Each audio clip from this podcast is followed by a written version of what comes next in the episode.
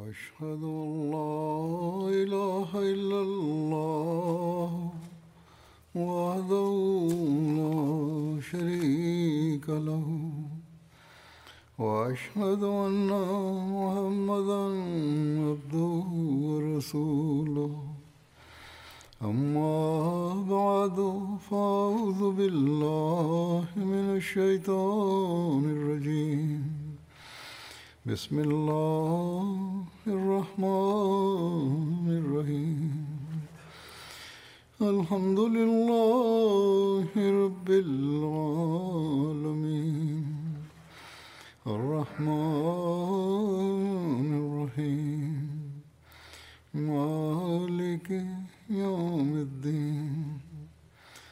إياك نعبد وإياك نستعين.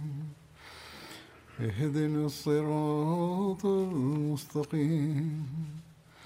صراط الذين أنعمت عليهم.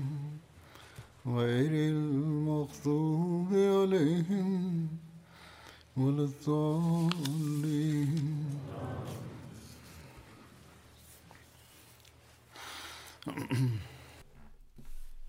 Karena kondisi permusuhan yang dihadapi jemaat, khususnya di Pakistan dan di tempat lain, beberapa orang menulis kepada saya untuk menyampaikan argumen mereka di mana mereka bersikeras bahwa alih-alih hanya menunjukkan kesabaran, jemaat seharusnya membalas. Kata mereka, kami sudah cukup lama bersabar. Mereka bahkan mengutip contoh Hadrat Muslim Maud radhiyallahu anhu dengan mengatakan bahwa beliau radhiyallahu anhu memberikan izin kepada jemaat untuk membalas situasi tertentu pada masanya. Ini semua adalah kesimpulan keliru yang dikaitkan dengan Hadrat Muslim Maud anhu. Hal ini difahami secara tidak benar Seseorang mungkin pernah menemukan atau membaca kejadian tertentu, tetapi salah memahaminya. Hadrat Muslim Maud memang pernah meluncurkan beberapa inisiatif sambil tetap berada dalam batas-batas hukum, namun beliau tidak pernah memberikan izin untuk melakukan protes secara sembrono seperti para perusuh. Lebih jauh lagi, jika ini pernah dilakukan dalam bentuk protes, itu dilakukan dengan izin khalifah pada masa itu. Bukannya setiap atasan bisa mengumpulkan orang-orangnya untuk melakukan protes. Namun demikian, sebelum terjadi perpisahan India-Pakistan, ketika Inggris menguasai India, beberapa perwira Inggris dan beberapa pejabat lainnya yang menentang kita berkali-kali berusaha untuk memberi label atau menggambarkan pidato Hadrat Muslim Maud sebagai pidato provokatif supaya beliau dapat ditahan. Namun mereka gagal dalam setiap upayanya karena dalam pidatonya Hadrat Muslim Maud selalu menunjukkan wajah asli para penentang dan pejabat pemerintah ini, lalu diakhiri dengan menasihati jemaat bahwa tanggung jawab jemaat yang didirikan oleh para nabi adalah untuk menunjukkan kesabaran dan untuk tetap patuh pada hukum. Hal ini diakui bahkan oleh para pejabat yang menentang jemaat pada masa itu, di mana mereka mengatakan bahwa selama pidato Hadrat Muslim Maud, mereka beranggapan bahwa pada hari ini mereka akan dapat menangkap dan menahan beliau atas tuduhan pemberontakan dan menciptakan kekacauan. Namun ketika pidato akan selesai, beliau selalu menasihatkan jemaat dengan cara yang sama sekali berbeda dari apa yang mereka kira. Dan beliau melarang jemaat untuk melanggar hukum. Dengan begitu, menghancurkan skema para perwira yang menentang itu, dan bagaimana mungkin beliau akan mengucapkan sesuatu yang bertentangan dengan ajaran Islam dan ajaran Hadrat Masih Maud salam.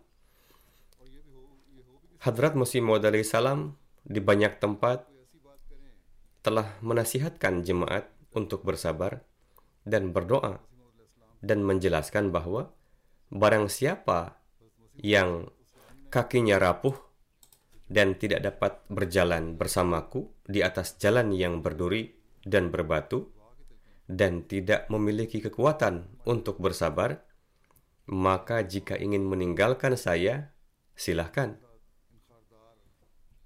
Kesabaran inilah yang telah meneguhkan keunikan jemaat di dunia.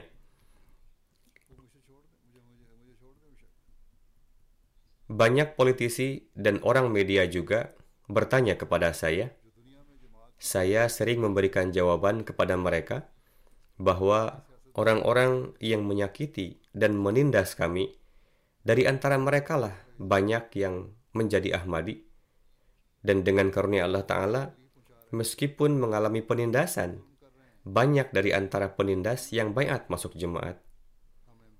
Pada awalnya, sifat kami pun sama seperti mereka. Kami juga bisa bereaksi seperti mereka, namun kami telah beriman pada imam zaman yang telah mengajarkan kami untuk bersabar agar tercipta perdamaian sehingga dapat menjadi pewaris karunia Allah Ta'ala. Saya mengizinkan jemaat untuk menempuh apa pun yang bisa dilakukan untuk mendapatkan hak yang sesuai hukum. Kadang-kadang jemaat disarankan untuk menyerahkan beberapa permasalahan kepada Allah Ta'ala tanpa tindakan hukum. Allah Ta'ala sendiri akan datang untuk menolong kami dan memang dia datang menolong kami. Jadi jelaslah bahwa ini merupakan sejarah para nabi dan Hadrat Masih Maud salam mengajarkan kami untuk bersabar. Alhasil, setelah mendengar jawaban seperti itu, orang-orang diliputi keheranan dan bahkan memuji dengan mengatakan bahwa ini merupakan reaksi hakiki dari orang-orang yang mendambakan kehidupan yang damai.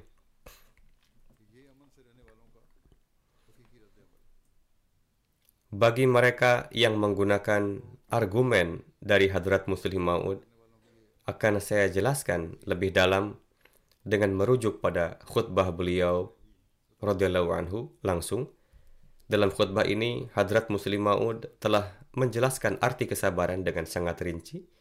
Bahkan setelah itu, beliau juga memulai serangkaian khutbah tentang akhlak yang luhur dan menghubungkannya dengan subjek kesabaran. Dengan merujuk pada khutbah tersebut, saya akan menjelaskan beberapa hal. Demikian pula, saya akan menyampaikan sabda-sabda Hadrat Masih Maud salam pada berbagai kesempatan yang beliau sampaikan.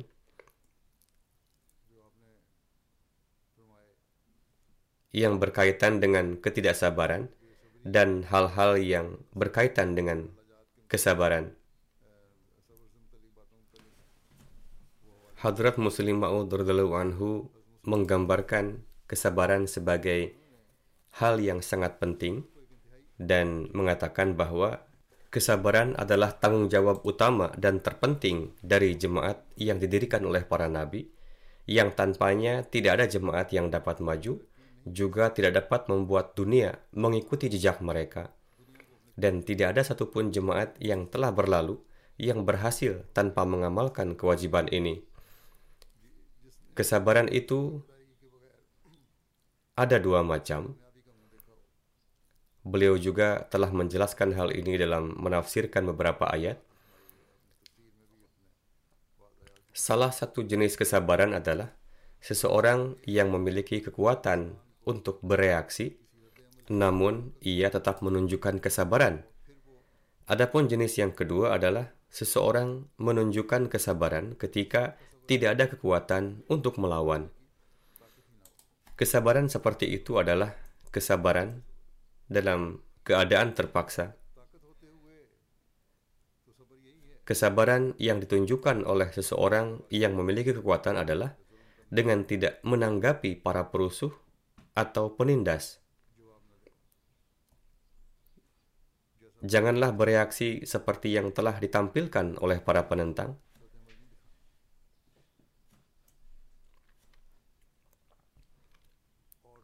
Menunjukkan kesabaran yang ekstrim demi Allah dan kesabaran yang ditampilkan bahkan ketika tidak ada kekuatan, yaitu kesabaran dan syukur dengan ridho atas keridaan Allah dalam menghadapi bencana alam. Namun, konotasi kata sabar dalam bahasa Urdu hanyalah diam. Namun dalam bahasa Arab memiliki arti yang lebih luas. Ketika kita melihat artinya dari sisi bahasa Arab, kita mendapatkan pemahaman yang tepat tentang arti kesabaran yang sebenarnya dan kesabaran seperti apa yang harus ditunjukkan oleh seorang mukmin. Nasihat untuk bersabar yang Allah Ta'ala berikan di berbagai tempat dan arti sebenarnya dari kata sabar dijelaskan dalam kamus dengan memperhatikan hukum-hukum Allah Ta'ala. Ada tiga arti kesabaran. Pertama adalah menghindari dosa dan menahan diri darinya. Arti kedua adalah tetap teguh dalam kebaikan dan arti ketiga adalah menghindari ratapan yang berlebihan. Ini adalah makna yang biasanya digunakan dalam bahasa Urdu. Oleh karena itu, berdasarkan makna pertama, adalah tugas manusia untuk melawan keburukan yang menarik ke arahnya, dan kemudian bersiap untuk melawan kejahatan yang mungkin menariknya di masa depan. Jadi, kesabaran ini tidak cukup dengan hanya duduk berpangku tangan, lalu mengatakan bahwa kita sangat sabar, melainkan membersihkan batin kita secara teratur merupakan kesabaran yang sebenarnya dan orang-orang seperti itu, maka Allah Ta'ala akan menolong mereka dari tempat yang tak terbayangkan sebelumnya. Para penentang ingin agar kita melepaskan kesabaran dan melakukan tindakan serupa, sehingga mereka dapat berhasil dalam tujuan mereka. Namun, Allah Ta'ala mengatakan kepada kita bahwa kalian harus bertindak bijaksana dan melihat ke dalam diri sendiri, yakni apakah yang tengah kalian lakukan ini sesuai dengan hukum Allah Ta'ala ataukah tidak. Dan kalian harus bertindak sesuai dengan itu. Berdasarkan pengertian kedua, dijelaskan bahwa seseorang harus berpegang teguh pada kebajikan yang telah diraihnya dan berusahalah untuk mencapai kebaikan yang belum diraihnya. Ini juga merupakan bentuk kesabaran. Ini juga sebenarnya dapat mendekatkan seseorang kepada Allah Ta'ala. Dan kedekatan ini jelas dapat diperoleh melalui doa yang disertai amalan nyata. Yang berkenaan dengannya, Allah Ta'ala berfirman pada satu tempat dalam Al-Quran, Wasta'inu bis sabri was salah wa innaha lakabiratun illa 'alal khashiin. Berdoalah kepada Allah Ta'ala dengan sabar dan doa, dan tentunya ini akan sulit bagi siapapun kecuali orang yang rendah hati. Mereka yang takut kepada Allah dan menunjukkan kerendahan hati, hanya merekalah yang dapat menampilkan kesabaran, yang mencari keridaan Allah Ta'ala. Lalu dia berfirman di tempat lain, والذين صبروا ابتغاء والذين صبروا ابتغاء وجه ربهم وأقاموا الصلاة وأنفقوا مما رزقناهم سرا وعلانية ويدرؤون بالحسنة السيئة أولئك لهم عقبى الدار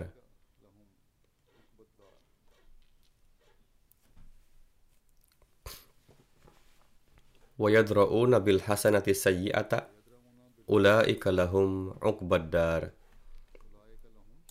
Dan orang-orang yang sabar mencari keridaan Tuhan mereka dan mendirikan salat dan menginfakkan sebagian dari apa yang telah kami rezekikan kepada mereka secara sembunyi dan terang-terangan serta menolak keburukan dengan kebaikan bagi mereka itulah akan ada ganjaran tempat kesudahan yang terbaik Rumah ini, dunia ini bersifat sementara. Di sini terdapat kesulitan. Tempat kesudahan terakhir yang terbaik akan diraih oleh orang-orang yang mencari keridaan Allah Ta'ala. Jadi, kesabaran, konsistensi merupakan nama lain dari mencari keridaan Allah Ta'ala dengan kerendahan hati dan doa. Dan ini akan terwujud ketika kita menyesuaikan keadaan kita dan menjalani hidup kita sesuai dengan ajaran Allah Ta'ala.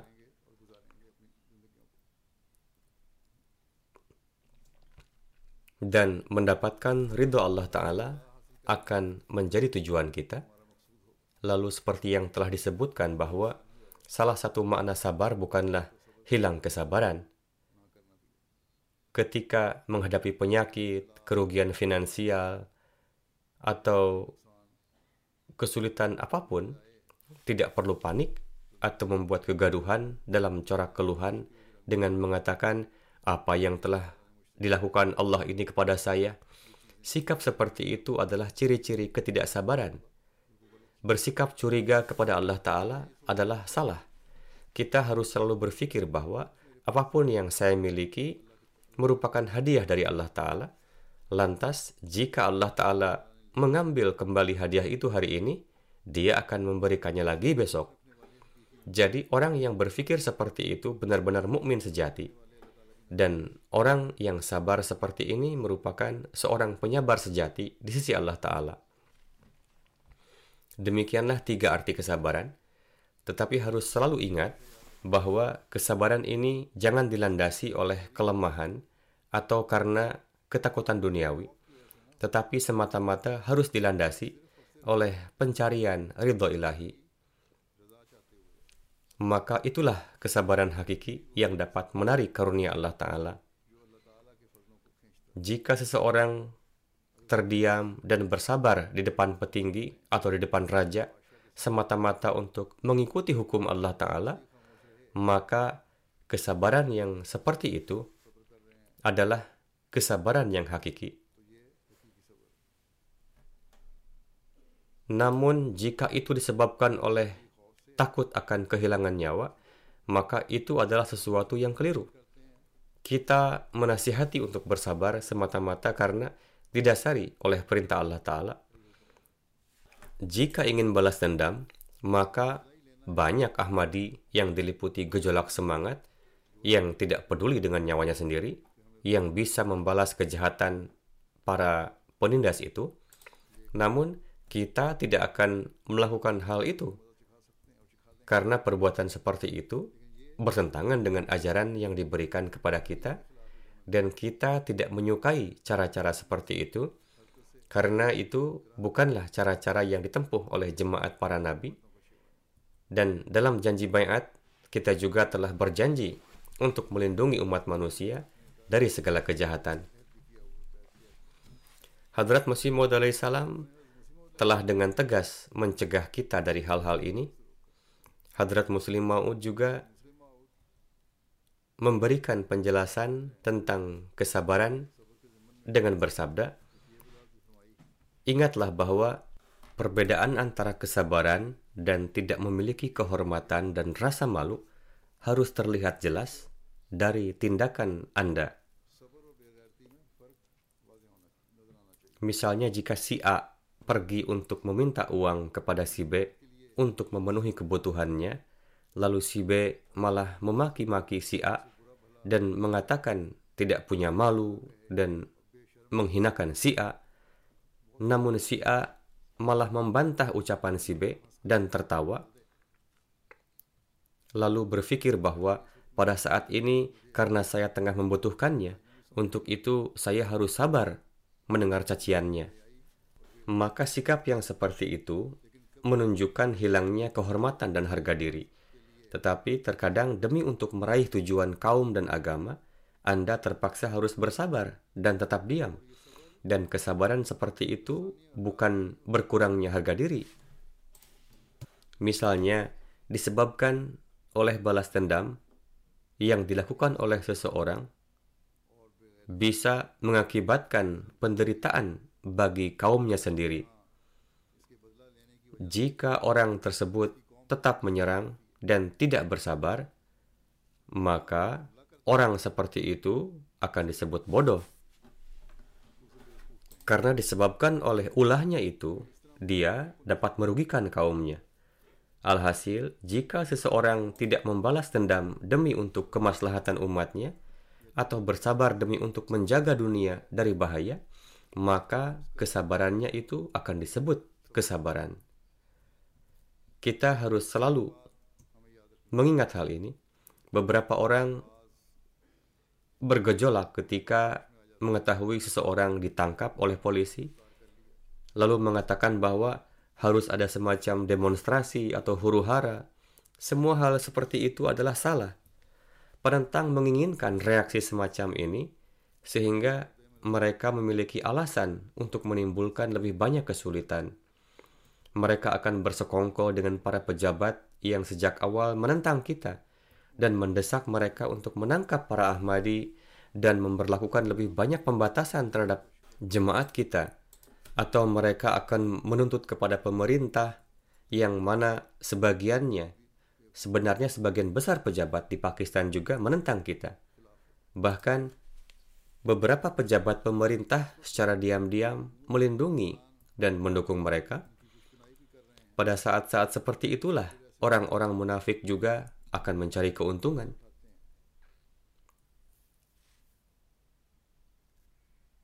Ketika reaksi seperti itu ditunjukkan dalam keadaan yang serupa, maka apa yang kita lihat biasanya situasinya memburuk. Inilah yang akan terjadi karena kita telah mengalami ketika reaksi semacam ini ditunjukkan. Maka keadaannya menjadi lebih mengerikan.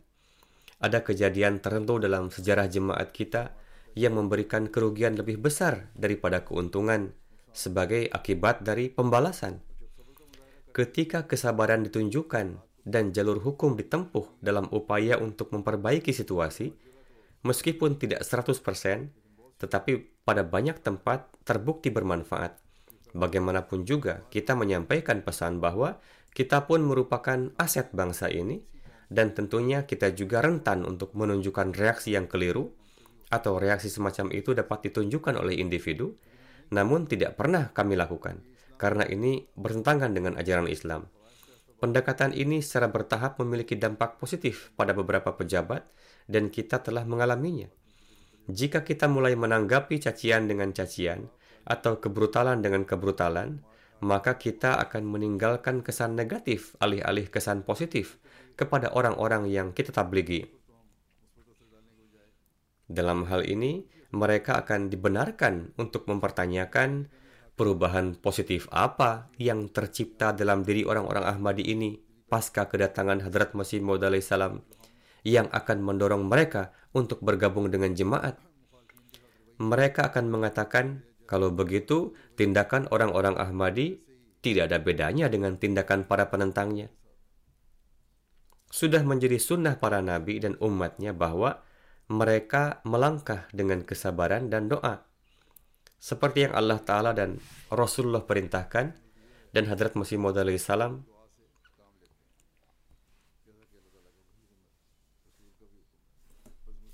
Oleh karena itu, kita harus selalu ingat bahwa kita harus menanggung kesulitan sementara dan kecil ini dengan sabar demi untuk kemanfaatan yang lebih besar bagi jemaat. Bahkan dalam suatu kesempatan, Hadrat Muslim Ma'ud mengatakan bahwa kadang-kadang kita tidak perlu mengetuk pintu hukum. Kita hanya harus menanggung kesulitan dengan kesabaran. Hadrat Muslim Ma'ud bersabda bahwa beberapa orang mungkin menyatakan bahwa Hadrat Masih Ma'ud menggunakan beberapa kata kasar dalam beberapa buku beliau, sehingga kita pun bisa menggunakan kata yang serupa. Orang-orang seperti itu harus ingat bahwa Allah Ta'ala dan Rasul-Nya memiliki keistimewaan yang berbeda. Sebagai contoh, dalam kehidupan duniawi, kita melihat bahwa seorang hakim dapat menetapkan seseorang sebagai pencuri, karena ini adalah kewajiban dan haknya. Dan berdasarkan itu, seorang hakim dapat menentukan hukuman dalam upaya untuk mengislah si pelaku. Namun, tidak semua orang berhak mencap orang lain sebagai pencuri atau pelaku kejahatan. Jika mereka mereka melakukannya, maka akan menciptakan kekacauan. Oleh karena itu, jika Hadrat Masih Maud salam menampilkan kelemahan-kelemahan mereka dan menjelaskannya, beliau melakukan itu semata-mata untuk memperbaiki mereka dan untuk menyelamatkan manusia dari pandangan yang keliru. Namun sejauh berkenaan dengan pribadi beliau sendiri, Hadrat Masih Maud salam menyatakan di dalam syairnya, setelah mendengarkan cacian mereka, saya doakan mereka. Belas kasihan muncul karena kami telah mengikis amarah kami. Ini adalah ajaran yang disampaikan oleh Hadrat Masih Maud Islam kepada kita bahwa kita harus menanggung kesulitan yang ditimbulkan oleh orang lain dengan kesabaran. Hadrat Muslim Maud memberikan contoh sebuah kejadian dari kehidupan Hadrat Masih Maud salam. Suatu kali Hadrat Masih Maud salam sedang melakukan perjalanan ke Lahore dengan menggunakan kereta. Ketika beberapa pembuat onar di kota mulai melempari dengan batu dan mengenai kereta yang beliau tumpangi, ini adalah kereta kuda yang tertutup namun ekspresi wajah Hadrat Masih Maud salam bahkan tidak berubah sedikit pun atas perbuatan mereka, meskipun beberapa batu menyebabkan jendela pecah dan hampir masuk ke dalam. Kesabaran yang ditunjukkan oleh Hadrat Masih Maud salam inilah yang memberikan pengaruh positif pada banyak orang untuk masuk ke dalam penghambaan dan menerima beliau. Kualitas akhlak yang sama yang harus kita tunjukkan pada hari ini. Jika seseorang berlaku zalim, untuk keuntungan pribadi, dan karena menyimpan kedengkian dan permusuhan, maka Allah yang Maha Kuasa sendiri yang akan menghukum mereka dengan syarat kesabaran kita disertai dengan doa. Pada masa Nabi suci Shallallahu Alaihi Wasallam, ada banyak orang yang masuk Islam karena melihat kesabaran Rasulullah SAW dan para sahabatnya. Kita juga menemukan contoh-contoh seperti itu di zaman ini, sebagaimana Hadrat Muslim Maud menyatakan bahwa pada masa Hadrat Masih Maud salam, orang-orang bergabung dengan jemaat ini setelah melihat kesabaran Hadrat Masih Maud salam.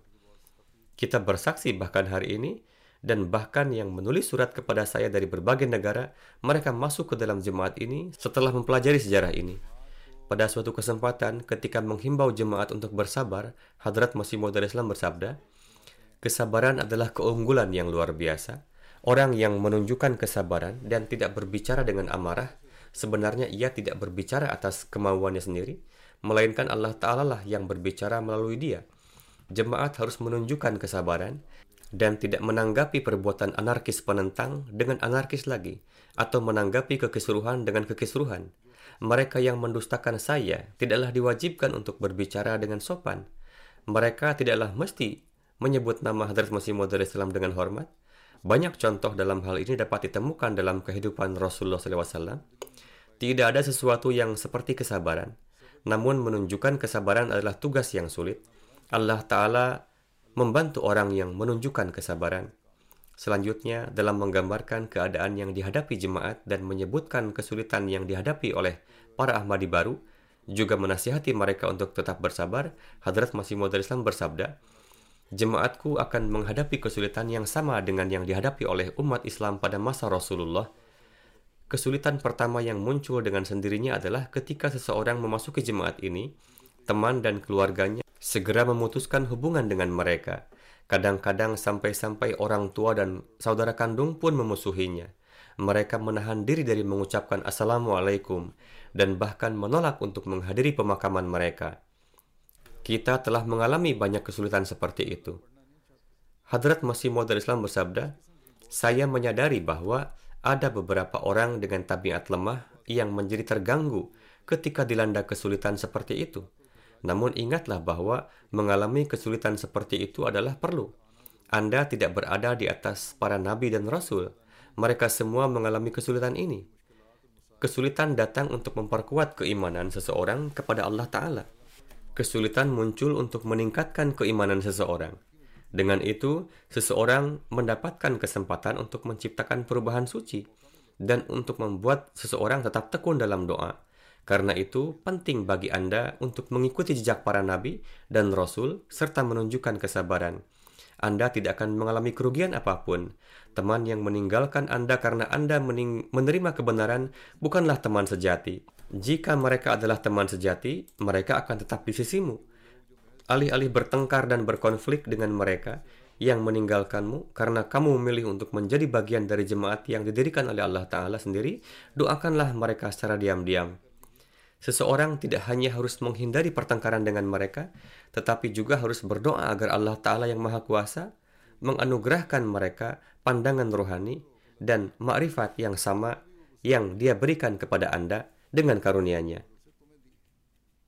Hadrat Masih Maud salam tidak hanya melarang konflik dan kekacauan, bahkan memerintahkan untuk mendoakan mereka. Beliau menginstruksikan kita untuk berbalas kasih sehingga orang lain juga bisa mengenali kebenaran. Hadrat Masih Maud salam lebih lanjut menyatakan, buktikanlah dengan teladan saleh dan tingkah lakumu yang baik bahwa kamu telah mengambil jalan yang benar. Aku telah ditugaskan untuk mengingatkan kalian lagi dan lagi untuk menghindari semua tempat kekacauan dan kekisruhan dan bersabarlah ketika mendengarkan cacian. Responlah kejahatan dengan kebaikan. Dan jika ada yang berusaha menciptakan kekacauan, singkirkan diri Anda dari mereka. Telah diperintahkan oleh Al-Quran untuk meninggalkan area seperti itu dan menanggapi dengan kelembutan. Seringkali terlihat bahwa seseorang menjadi terlalu bersemangat dalam permusuhan mereka dan mereka mengambil sikap yang jahat, yakni perentangan mereka dapat menyebabkan kekacauan sehingga memprovokasi para pendengarnya. Namun ketika orang-orang seperti itu menerima balasan kebaikan dan tidak dibalas dengan cacian serupa, akhirnya mereka sendiri merasa malu. Memang di zaman in, sekarang ini banyak yang tidak tahu malu dan tetap bersikeras dengan perbuatan anarkisnya, namun ada juga yang kemudian merasa malu. Mereka merasa malu dan menyesali tindakannya. Pada khutbah-khutbah sebelumnya, saya memberikan contoh seraya menceritakan peristiwa di Bangladesh yaitu ketika anak laki-laki kita mengatakan kepada salah satu anak laki-laki di antara para perusuh bahwa, apakah kamu tahu apa yang kalian lakukan? Kamu melakukannya atas dasar apa? Kemudian ia menjadi faham, lalu melemparkan batu bata ke belakang atau membuang batu yang ia bawa. Beliau al-Islam bersabda, Aku katakan dengan sesungguhnya bahwa janganlah kalian kehilangan kesabaran. Senjata kesabaran sedemikian rupa, sehingga senjata api tidak menghasilkan apa yang dihasilkan dengan senjata kesabaran. Kesabaranlah yang menaklukkan hati manusia. Ingatlah dengan sesungguhnya bahwa aku sangat sedih ketika aku mendengar ada seseorang dari jemaatku bertengkar dengan seseorang. Aku sama sekali tidak menyukai cara ini, dan Allah Ta'ala pun tidak menghendaki bahwa jemaat yang ditetapkan sebagai satu teladan bagi dunia ini menempuh suatu jalan yang bukanlah merupakan jalan ketakwaan. Bahkan aku pun sampaikan kepada kalian bahwa Allah Ta'ala begitu menekankan hal ini sampai-sampai jika ada seseorang yang setelah bergabung dengan jemaat ini, ia tidak bersikap sabar, maka ia harus ingat bahwa ia tidaklah termasuk ke dalam jemaat ini. Ini adalah peringatan yang sangat keras yang harus senantiasa kita ingat. Beliau al-Islam bersabda, penyebab dari kemarahan ini bisa jadi adalah karena aku dicaci maki. Kalian mungkin marah karena hal ini. Hadrat Masih Maud Islam bersabda bahwa aku dicaci maki, lalu kalian menjadi marah. Beliau alaihissalam melanjutkan, serahkanlah perkara ini kepada Allah Ta'ala, kalian tidak bisa memberikan keputusan atasnya. Serahkanlah perkaraku kepada Allah Ta'ala. Bahkan setelah mendengar caci makian tersebut, kalian harus bersabar. Apakah kalian tahu berapa banyak caci makian yang aku dengar dari orang-orang itu? Seringkali terjadi bahwa surat-surat yang penuh dengan caci makian kotor datang dan caci makian disampaikan dalam kartu-kartu pos yang terbuka.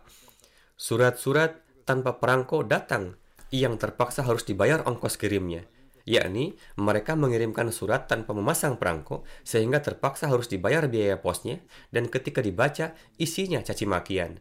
Caci makian itu begitu kotor sehingga aku mengetahui secara pasti bahwa tidak pernah ada seorang nabi yang mendapat caci makian semacam itu dan aku tidak yakin bahwa Abu Jahal mampu untuk melontarkan caci makian semacam ini. Bahkan Abu Jahal tidak akan melontarkan caci maki seperti yang dilontarkan orang-orang ini. Tetapi semua ini harus didengar. Ketika aku bersabar, maka menjadi kewajiban kalian untuk bersabar juga. Tidak ada cabang yang lebih dari sebuah pohon. Beliau memiliki tingkatan kesabaran yang sangat tinggi untuk diri beliau alaihissalam sendiri. Sebagaimana Hadrat Muslim Ma'ud juga bersabda bahwa Hadrat Masih Maud alaihissalam memiliki kesabaran yang sangat tinggi untuk diri beliau alaihissalam sendiri. Jika beliau bersikap keras, sebagaimana yang dikatakan orang-orang, maka itu beliau alaihissalam lakukan untuk islah perbaikan. Dan hak ini beliau alaihissalam dapatkan dari Allah Ta'ala.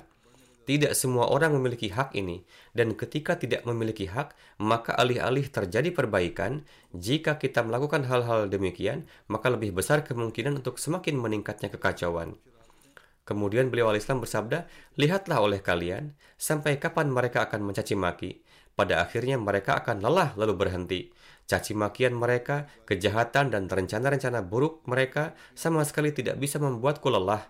Jadi, kita pun janganlah merasa lelah. Jika aku bukan berasal dari Allah Ta'ala, tentu aku akan merasa takut dengan caci makian mereka. Namun aku sungguh mengetahui bahwa aku telah diutus oleh Allah Ta'ala. Lalu mengapa aku harus peduli tentang hal-hal sepele seperti itu? Ini tidak akan pernah terjadi. Renungkanlah oleh kalian sendiri, siapakah yang dirugikan oleh caci makian mereka? Mereka atau aku? Jemaat mereka berkurang, sedangkan jemaatku terus berkembang. Jemaat yang terus berkembang ini berasal dari antara orang-orang ini juga. Jika caci makian ini bisa menjadi penghalang, lantas bagaimana bisa lahir jemaat yang terdiri lebih dari 200 ribu orang? Saat itu ketika beliau alaihissalam mengatakan ini, beliau alaihissalam memberitahu jumlah jemaatnya sebanyak 200 ribu orang. Hari ini, dengan karunia Allah Ta'ala, pesan beliau alaihissalam telah mencapai setiap negara di dunia dan jemaat berdiri kokoh. Apakah ini terjadi disebabkan oleh suatu reaksi dan penzahiran kekuatan? Tidak. Sebaliknya, ini adalah hasil dari pengorbanan dan kesabaran serta doa-doa. Jadi kita harus bersabar untuk mencapai tujuan besar ini. Kemudian beliau alaihissalam bersabda, Apakah orang-orang ini berasal dari mereka atau dari tempat lain? Mereka memperlakukan fatwa kafir padaku, tapi apa pengaruh dari fatwa kafir ini? Jemaat malah berkembang. Jika jemaat ini dijalankan dengan tipu daya, maka pasti fatwa ini akan berpengaruh dan fatwa tersebut akan menciptakan rintangan besar di jalanku. Tetapi sesuatu yang berasal dari Allah Ta'ala, manusia tidak dapat menghancurkannya. Semua tipu muslihat yang dilancarkan terhadapku oleh lawan hanya membuat mereka yang benar-benar bisa melihat kenyataan menjadi iri padaku aku secara terbuka mengatakan bahwa orang-orang yang menentangku meletakkan tangan mereka di depan sungai besar yang mengalir dengan sangat deras dan ingin menghentikannya. Aliran air datang dalam bentuk sungai. Mereka meletakkan tangan mereka dan mengira air akan berhenti. Tetapi hasilnya jelas tidak bisa berhenti.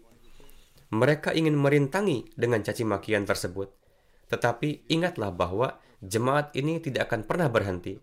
Apakah mencaci maki adalah pekerjaan orang-orang yang terhormat? Aku merasa kasihan pada orang-orang Islam itu. Muslim macam apa ya? Mereka yang membuka mulutnya dengan lancang seperti itu.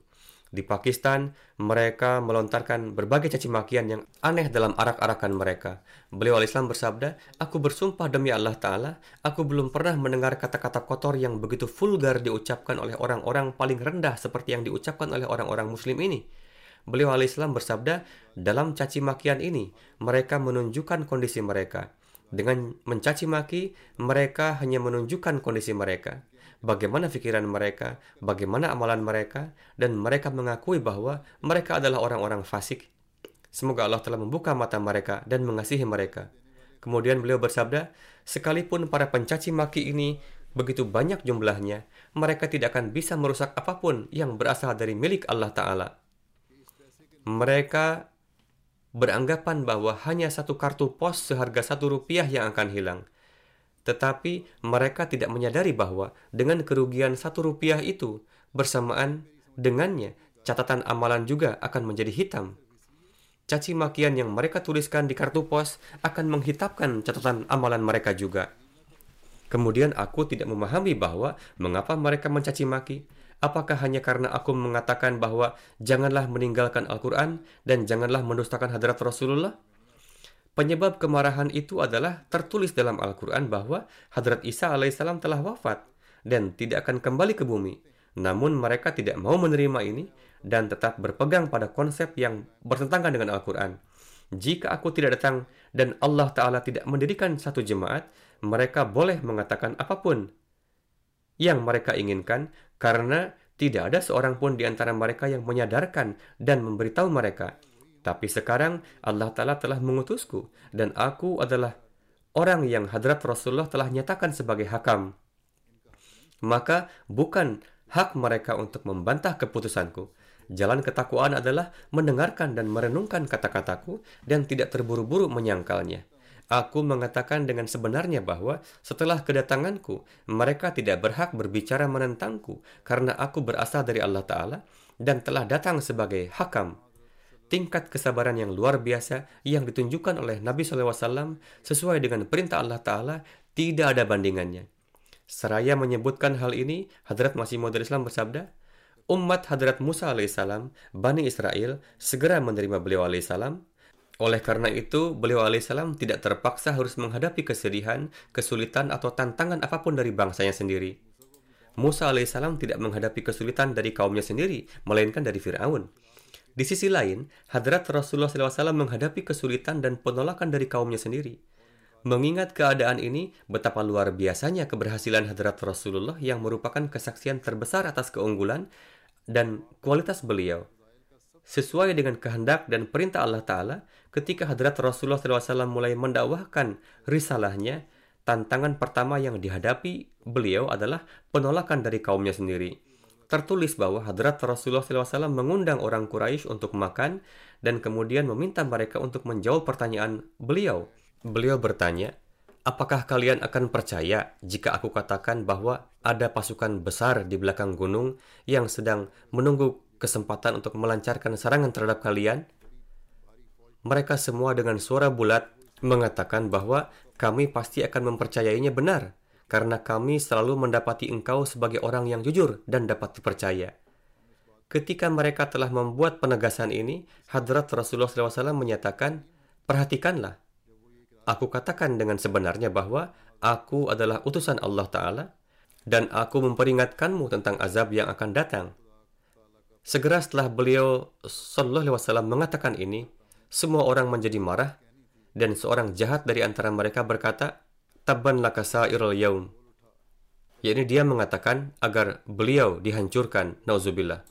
Sayang sekali bahwa ajaran yang merupakan sarana keselamatan dan kemakmuran mereka, orang-orang yang tidak menghiraukan akhirat ini, mengungkapkan ketidaksukaan mereka terhadapnya dan mulai menentangnya. Sekarang renungkanlah kaum Musa alaihissalam sebagai perbandingan Meskipun keras hati, Bani Israel segera menerima ajakan Nabi Musa alaihissalam. Namun dalam kasus hadrat Rasulullah SAW, seorang nabi yang bahkan lebih mulia dari, Nabi Musa alaihissalam, kaumnya tidak menerimanya. Hadrat Masih Maud alaihissalam memberikan contoh di sini tentang kaum Nabi Musa alaihissalam dan menyatakan, kaum Nabi Musa alaihissalam menerima beliau alaihissalam, tetapi nabi yang lebih afdol dari beliau, yakni Rasulullah, kaumnya tidak menerimanya. Mereka berdiri melawan hadrat Rasulullah dan memulai penentangan. Mereka terus bersekongkol untuk membunuh beliau. Masa penentangan ini begitu lama hingga berlangsung selama 13 tahun.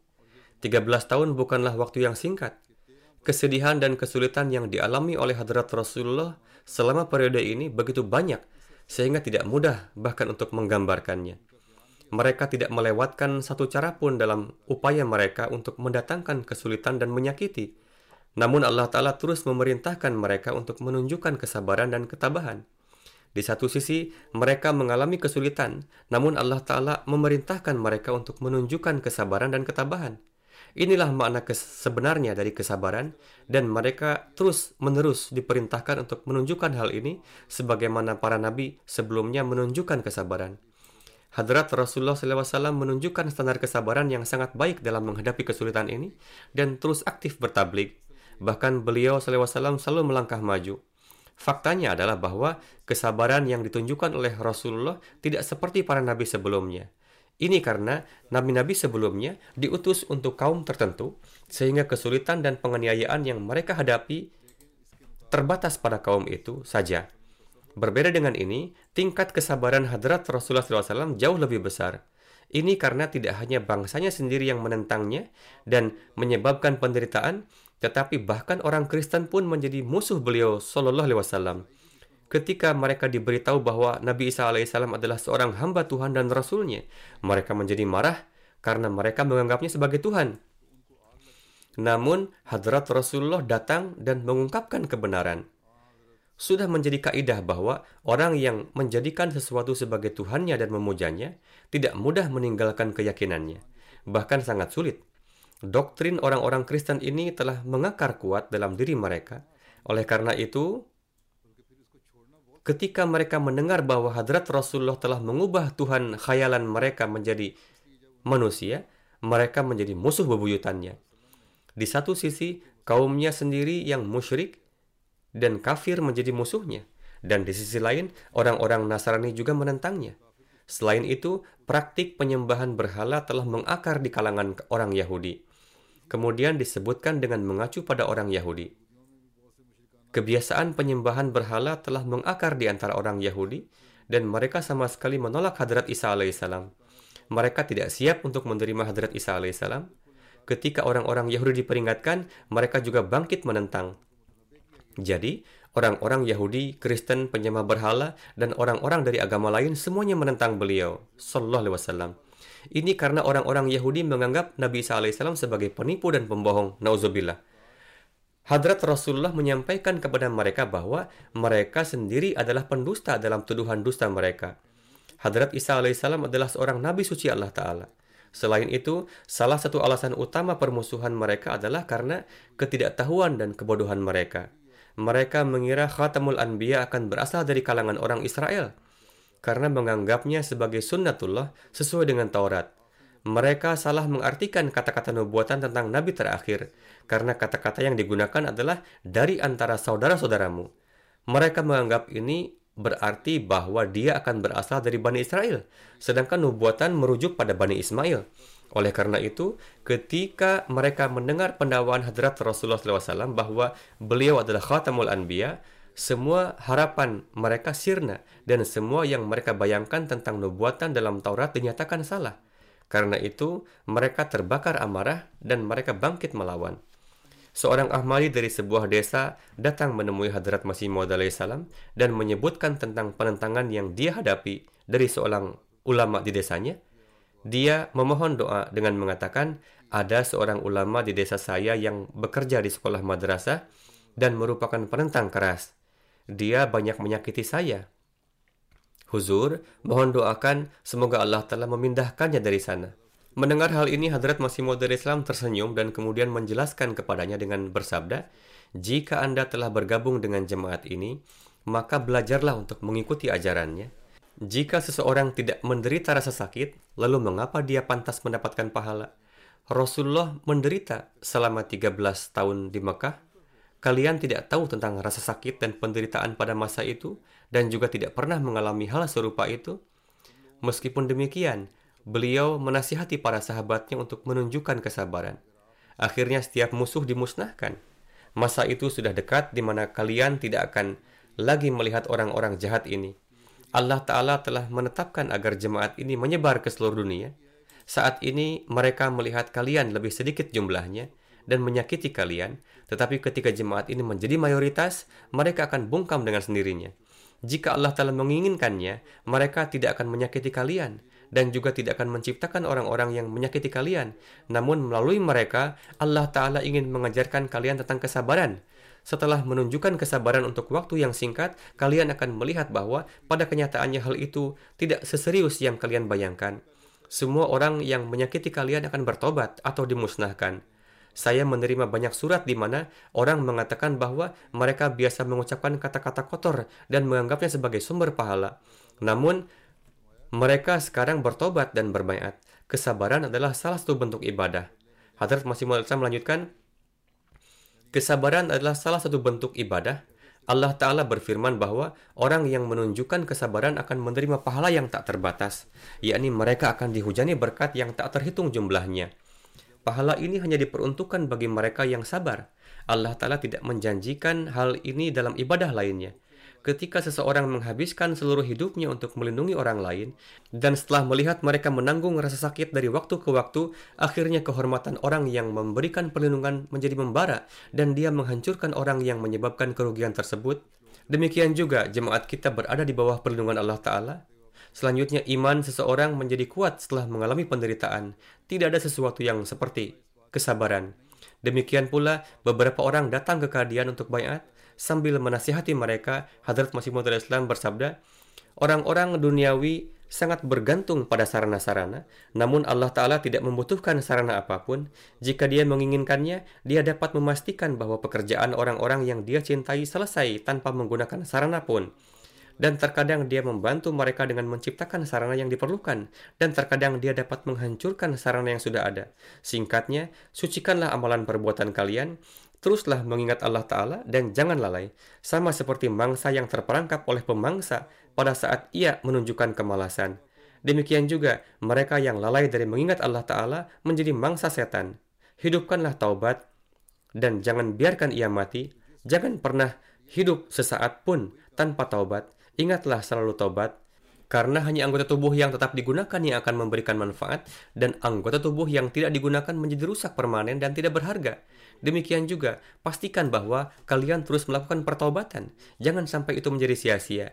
Jika kalian tidak bertobat dengan sungguh-sungguh, maka itu seperti benih yang ditanam, ditanam di atas batu.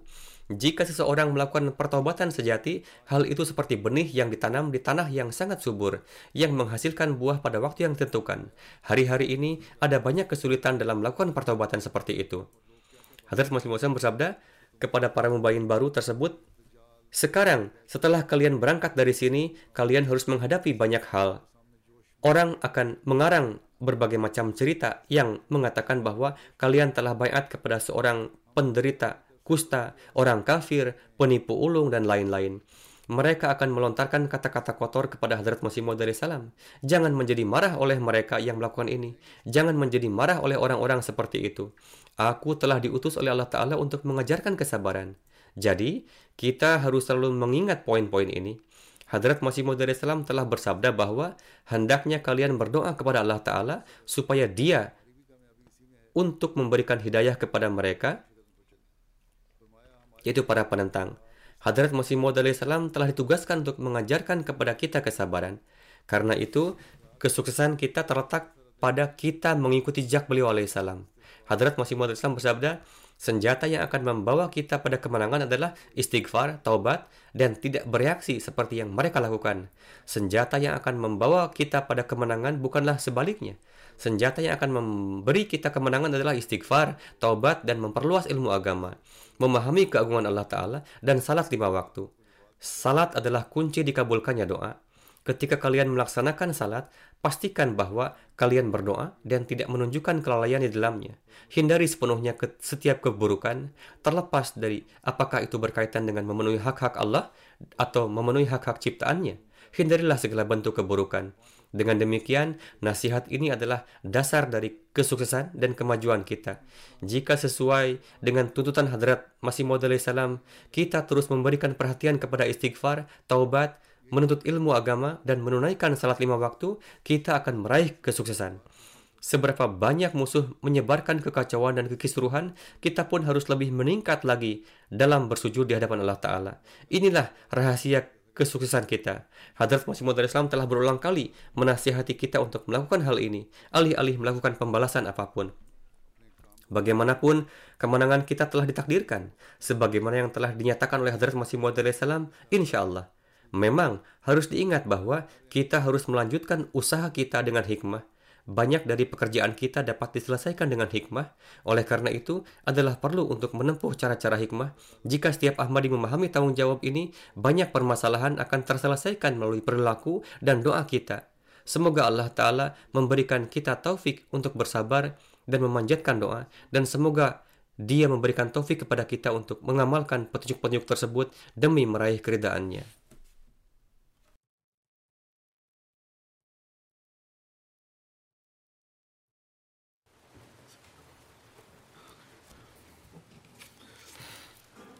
الحمد لله الحمد لله نحمده ونستعينه ونستغفره ونؤمن به ونتوكل عليه ونعوذ بالله من شرور أنفسنا ومن سيئات أعمالنا. من يهده الله فلا مضل له ومن يضلل فلا هادي له. ونشهد أن لا إله إلا الله. ونشهد أن محمدا عبده ورسوله. عباد الله رحمكم الله. إن الله يأمر بالعدل واللسان وإيتاء ذي القربى وينهى عن الفحشاء والمنكر والبغي يعظكم لعلكم تذكرون. اذكروا الله يذكركم وادعوه يستجب لكم ولذكر الله